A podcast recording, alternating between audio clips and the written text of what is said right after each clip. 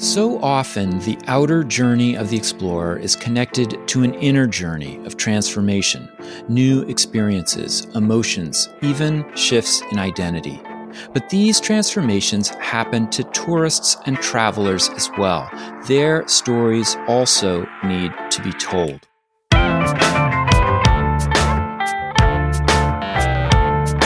It's time to eat the dogs. I'm Michael Robinson. Today, Annette Joseph Gabriel hosts Time to Eat the Dogs.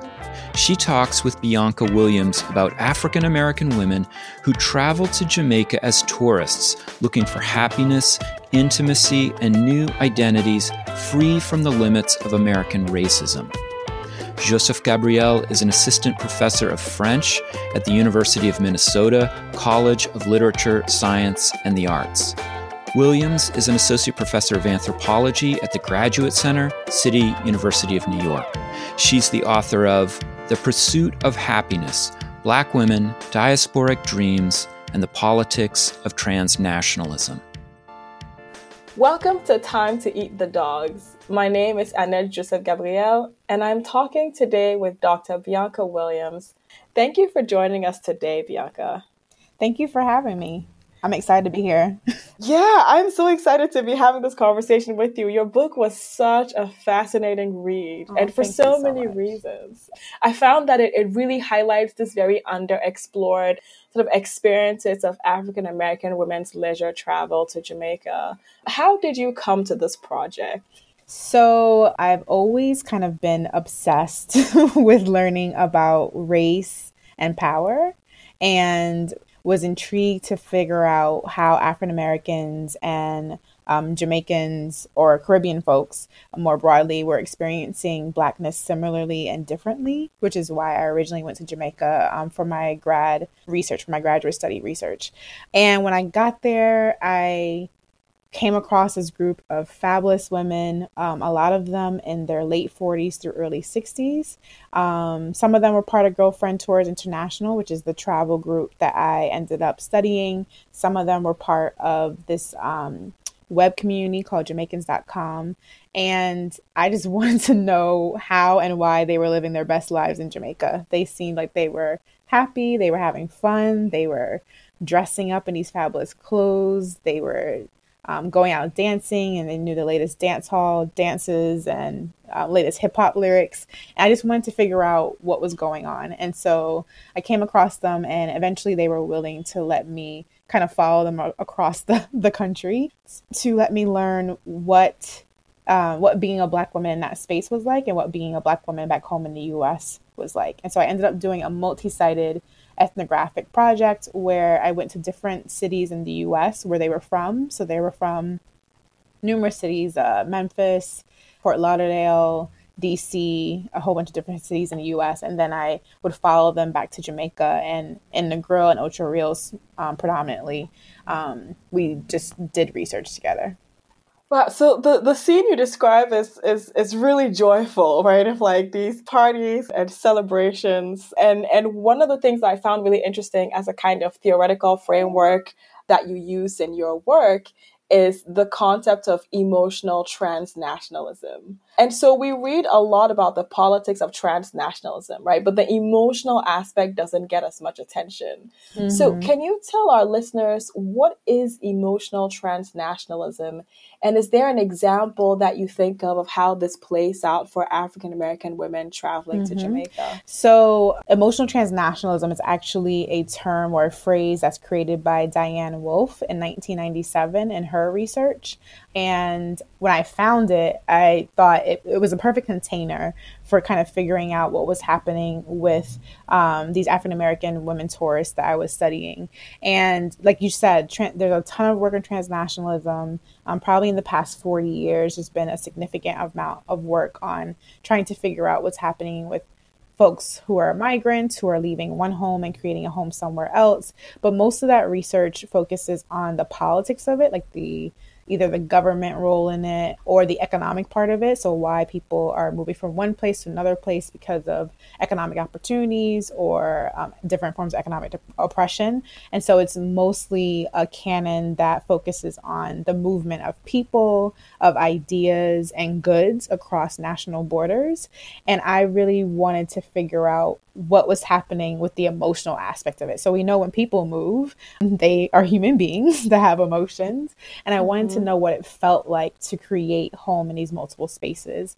And so for this group of African American women that I was studying, I knew that they were spending a lot of time in Jamaica, both online, like in a virtual Jamaica on this website, and also physically in Jamaica. And I wanted to understand what their movement back and forth was about. So they weren't moving to Jamaica full time. Um, they were kind of traveling back and forth. And emotional transnationalism allows us to understand that with their movement and even the goods, the different ideas that they're bringing or the different music that is kind of traveling with them that they're participating in and consuming i wanted to know what it was making them feel like um, and so emotional transnationalism allows me to understand what it feels like to be black both in the us and jamaica hmm. so it seems like that experience of being black in the us and jamaica it's different in the US, different in Jamaica, and then it's different when one moves between those two spaces. And mm-hmm. so I'm wondering whether you could tell us a little bit about the ways that this idea of diaspora, right, this imagined community of diaspora is different for Jamaicans as compared to the African American women you studied who traveled there. Mm-hmm. So I guess I should back up and start with kind of why they're going to Jamaica. So the women mm-hmm. that I study are going to Jamaica for kind of three things to escape American racism, which they feel like is super oppressive in their experiences in the US. And so Jamaica is a predominantly black country where they imagine folks look like them and share a similar history and share ex- contemporary experiences of um, racial identities in the same way that they do in the US. And then they're made visible in ways uh, by other Black people. So by Jamaican men, they're seen as desirable um, in ways that they're not in the U.S. or they they mm. feel like they're not seen in the U.S. Um, and then racially, again, that racial understanding or that shared experience that they imagine to be makes them visible, whereas in the U.S. they feel really invisible. And then Jamaica allows them to experience a Black paradise where the water and the greenery and the music and the good food and you know sometimes getting massages and the great hotel rooms um, really allow them to lay their burdens down and not do a lot of the labor that black women are expected to do in the US. So, raising families, being the backbone of the community, um, taking care of everyone before they take care of themselves. Jamaica, as a black paradise, an imagined black paradise, allows them to kind of relax and um, center themselves. Um, so, this notion, this idea that Black folks in Jamaica um, share the trans the history of transatlantic slave trade and that they are oppressed in similar ways to folks in the U.S. is really important, and that in some ways they are able to hold on to a consciousness, a racial consciousness, because they're in a predominantly Black country. So American mm-hmm. white supremacy is not present in the same way in Jamaica as it is in the US is their assumption. There's a assumption that they are engaged in a an African diasporic community. For Jamaicans, it was really interesting because at the time I was doing research, the Jamaican government was spending some money and government resources having these these public dialogues about diaspora. And so a lot of Jamaicans, whenever I would say diaspora, were like, we know that word from the government, but we don't really know what it means to our everyday life. Like we don't know how it applies to us. And they definitely generally speaking, we're not thinking about African Americans as part of their of their diaspora. So when I said diaspora to Jamaicans, generally speaking, they were thinking about the Jamaican diaspora and Jamaicans who are living in the US or Jamaicans who are living in the UK who are living in other spaces. And so it was kind of centered around folks who had origin from Jamaica. It wasn't this kind of larger conversation around the African diaspora and all global Black peoples being connected through this historical memory or experience of slavery. And so there was sometimes a disconnect between African Americans kind of embracing Jamaicans as diasporic kin and saying we are we are kin in this diaspora and this history, and Jamaicans being like, but you're not Jamaican, so you're not part of my diaspora. An exception to that was usually Rastafarians or folks who very much centered Ethiopia as an important place in African diasporic history and in Jamaican history, and they had a kind of broader sense of this African diaspora um, that they were a part of. So I wanted to kind of come back to the motivations that you described earlier about the reasons why the women you studied would travel to Jamaica, um, the kind of stressors um, of racism. And it was striking to me because your introduction begins with a quote from Audre Lorde, which, which mm-hmm. says, mm-hmm. Caring for myself is not self indulgence, it is self preservation. And that is an act of political warfare. And I think that this quote gets at the ideas of like self care as pleasure, but also as part of a political imagination, right? And these are ideas that are at the core of your book. And so, you know, like we see like hashtag self care everywhere these days. And I'm wondering in what ways this applies to the women in your book. In what ways do they engage with the idea of self care? Um, especially in the context of their travel to the Caribbean as African American women facing these stressors in the United States. Mm-hmm. So yes, we're seeing a lot of conversation. Maybe um, a year or two years ago, there was this self care versus squad care discussion um, from Audre Lorde's quote um, that a lot of people are talking about nowadays because of the movement for Black Lives and them kind of raising up emotional wellness and healing justice as central to Black people being free. Um, and Melissa Harris Perry's um, notion of squad care and her pushing back a little bit on this idea that Black women have to also, in addition to everything else they have to do, they have to also figure out how to take care of themselves in the mm-hmm. context of everything. So we're seeing a lot of mainstream conversations about this.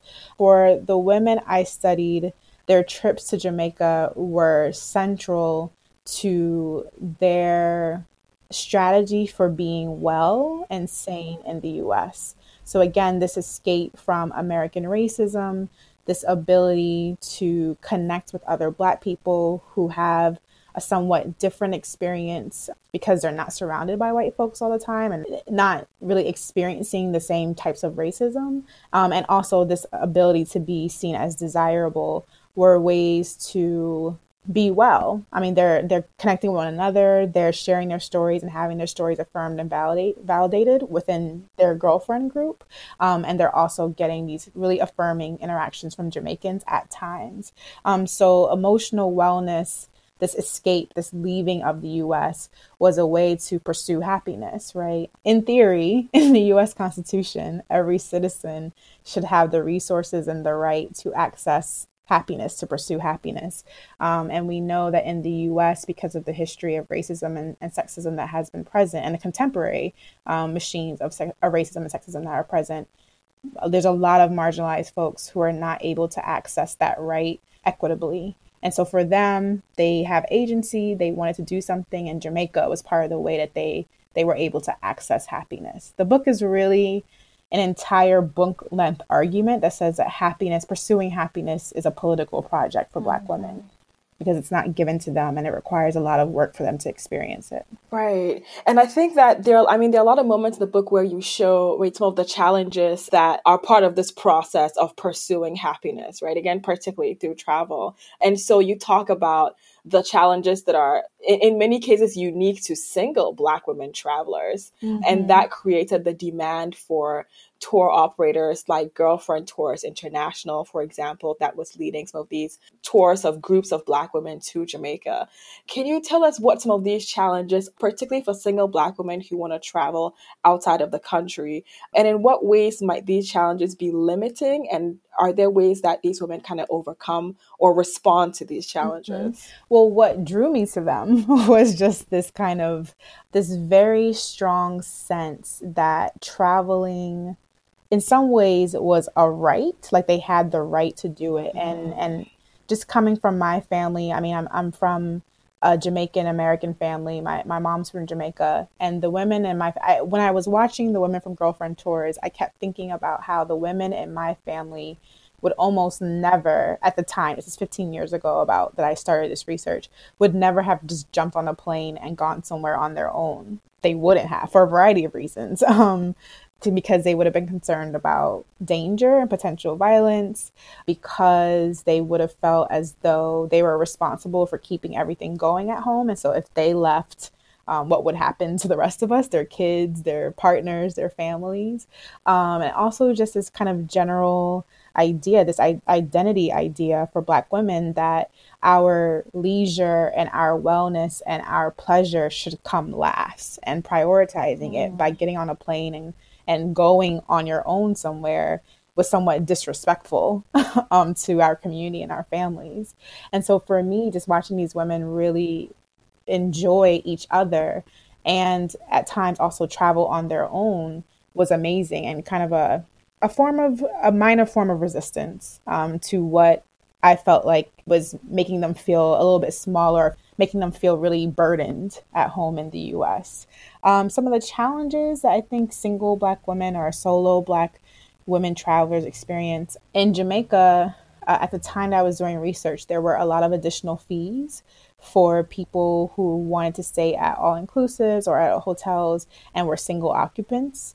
um, so you actually, in some ways, got taxed for traveling on your own instead of traveling as part of being a couple, right? Um, and, and at the time, because Jamaica is still a country that's very much dealing with homophobia on a large scale, a heterosexual couple, right? So if you were a woman who wanted to come from the US and go to Jamaica on your own, you actually paid an extra fee to stay in, in some hotels, um, which is part of the reason why the women I studied almost always stayed at locally owned hotels and they did not stay at all inclusives. They wanted to support kind of Jamaicans themselves and not kind of the corporations or the the American and European companies that own those hotels.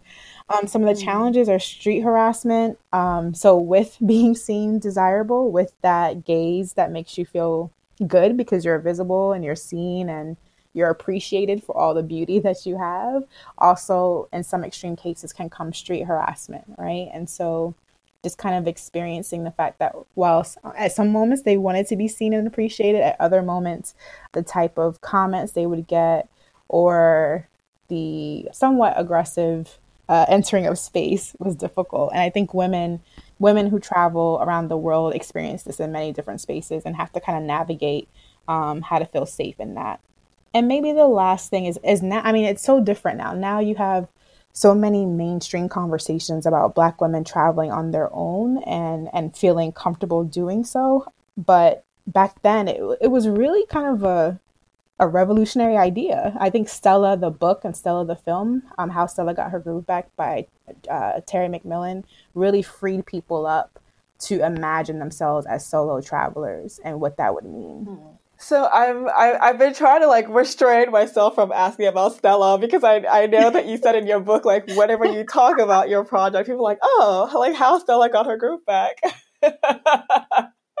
but I'm also thinking about, I mean, this is something that you keep saying and in almost all of your responses now is, you know, like at the time you were doing research. And I'm thinking about, you know, like Stella is also now, I mean, no longer a, a particularly very recent film book. Um, I'm wondering in in what ways do you think things have changed or were changing, you know, towards the tail end of your research? Mm-hmm. Um, I mean, the world has changed mm-hmm. so much. and I mean, technology has changed. So I keep saying at the time because now, I mean, even the virtual community that they're a part of is so different. Part of why they felt that they were able to travel as much as some of them could and access Jamaica was that different from when I was little and you had to like call an airline and have a printed mm-hmm. ticket and you know booking air travel from the US to another country was a very slow and kind of arduous process for many people. And then when I was doing research you had the internet. You could just decide you wanted to go to Jamaica that weekend if you had the resources and just go.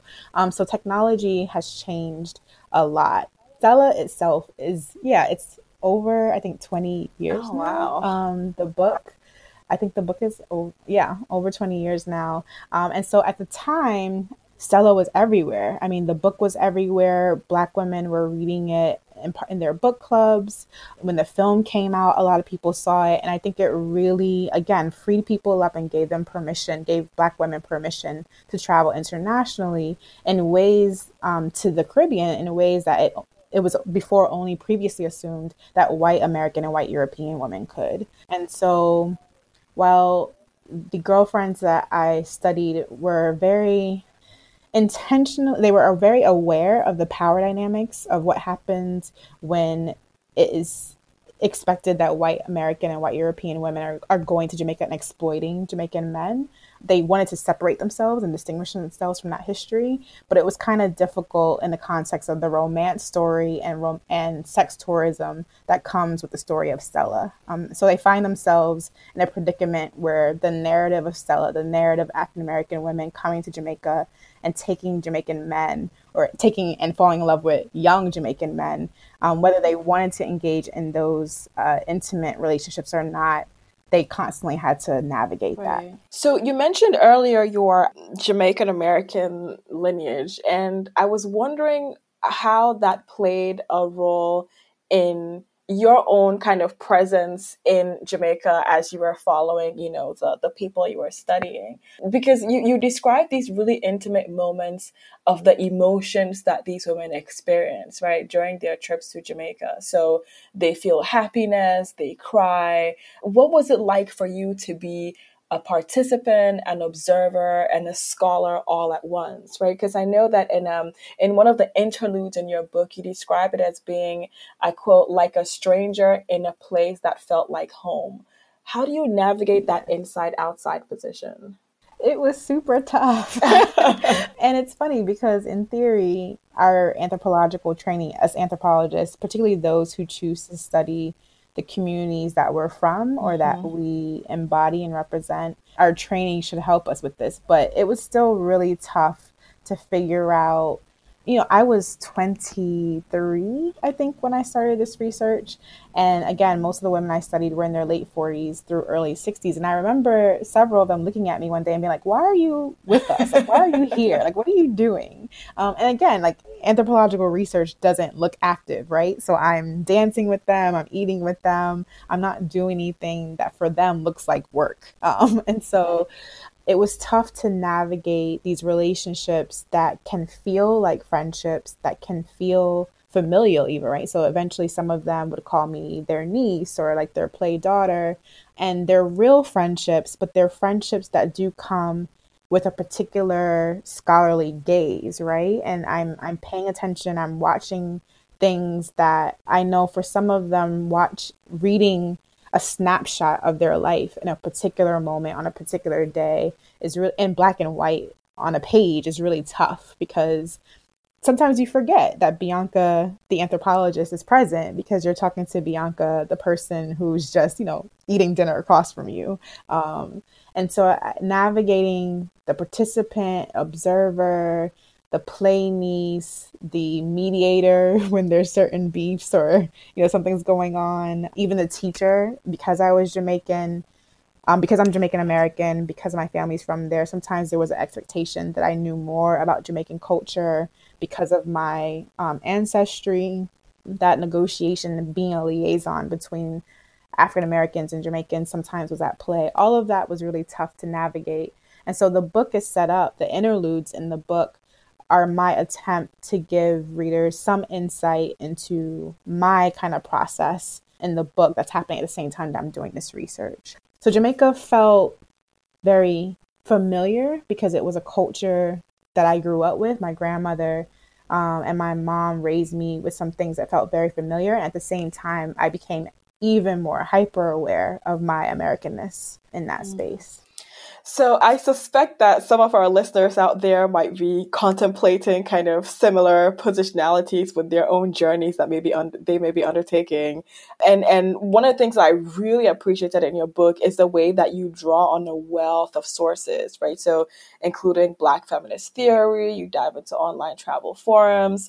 So for for any of our listeners who are thinking about similar journeys that might be part pilgrimage, part escape, part search for some kind of connections, part leisure. I mean, first of all, I highly recommend your book, but are there any other resources that you would recommend for them to think about power, pleasure, and emotion in this kind of travel? Well, first thing I say as a shout out for your listeners, if you're ever going to Jamaica and you actually end up getting my book, please tag me in a picture of you on the beach reading it or at some hotel reading it. Um, you know, at Bianca PhD on Twitter, let me know so I know what it looks like. It's kind of amazing to read the book when you're in the middle of all that's going on. Um, and I would be terrible if I didn't shout out Jamaicans.com which is a great website for learning about Jamaican culture and what's happening in the contemporary moment. And again, there's Jamaicans who are on that website who are present there every day. Um, in the travel forums, you read these amazing trip reports, which is part of the reason why I ended up studying this group. These amazing trip reports that tell you, you know, where to go eat and where to stay and what the events are happening that have great kind of organic ethnographic analysis of the power dynamics that are operating within tourism. So those are written by members of Girlfriend Tours and members of Jamaicans.com. It's not written, you know, sometimes in boring scholarship. Um, it's exciting uh, trip reports that are happening. Other resources, I mean, again, now there's so much out online. Um, Travel Noir is a great Instagram have a great Instagram account. They also do trips and tours around the country, um, around the world. Black People Abroad is another one that's a great resource for just finding out where people are going and what they're doing when they go there. There's an older book called Go Girl by Elaine Lee that is one of the very few texts that I found when I started doing research that's solely about Black women traveling. Um, there's so few texts, like books that are on this. Um, and so that was one of mm. it's a kind of a memoir book. And so you should pick that up and read through that. And then I think um, she pronounces her name Oneika. Oneika the Traveler is a black woman who goes all over the globe and she has a great blog that gives you really good information about where to stay and what to eat and how to connect with folks in different countries around the world. So I would check out her website. And then Tiffany Gill and Keisha Blain, who are both oh, yes. um, researchers and scholars, they're coming out with a new book. I think it comes out in April and it's on Black women and internationalism and travel, and it's going to be amazing. So people should check that out if they're interested in the history and kind of Black women, the history of Black women traveling. Oh my gosh, what a tiny world. So I I have a chapter in that book. So I'm gonna kind of add my voice and, and plug it yes. as well. Um and also Tiffany Gill is, is gonna be the next guest on Time to Eat the Dogs with me. I'm so, so excited. There's this amazing conversation that's happening. Um and a lot of momentum I think around the work that the two of you are doing. So this is this is so great. Tiffany and Keisha are amazing. I'm so excited about that book. Yes, absolutely. So I have been talking with Dr. Bianca Williams about her new book, The Pursuit of Happiness Black Women, Diasporic Dreams, and the Politics of Emotional Transnationalism. Bianca, thank you so much for joining us today. Thank you for having me, thank you for listening. That's it for today. The music was composed by Zabrat Make sure you check out the Time to Eat the Dogs website for podcast links and other exploration related stuff. And if you get the chance, please take a minute to rate and review the show wherever you get your podcasts. It really helps make the show visible to new listeners. And if you want to recommend a guest or make a comment, feel free to contact me at time to eat the dogs, that's one word, lowercase, at gmail.com. See you next week.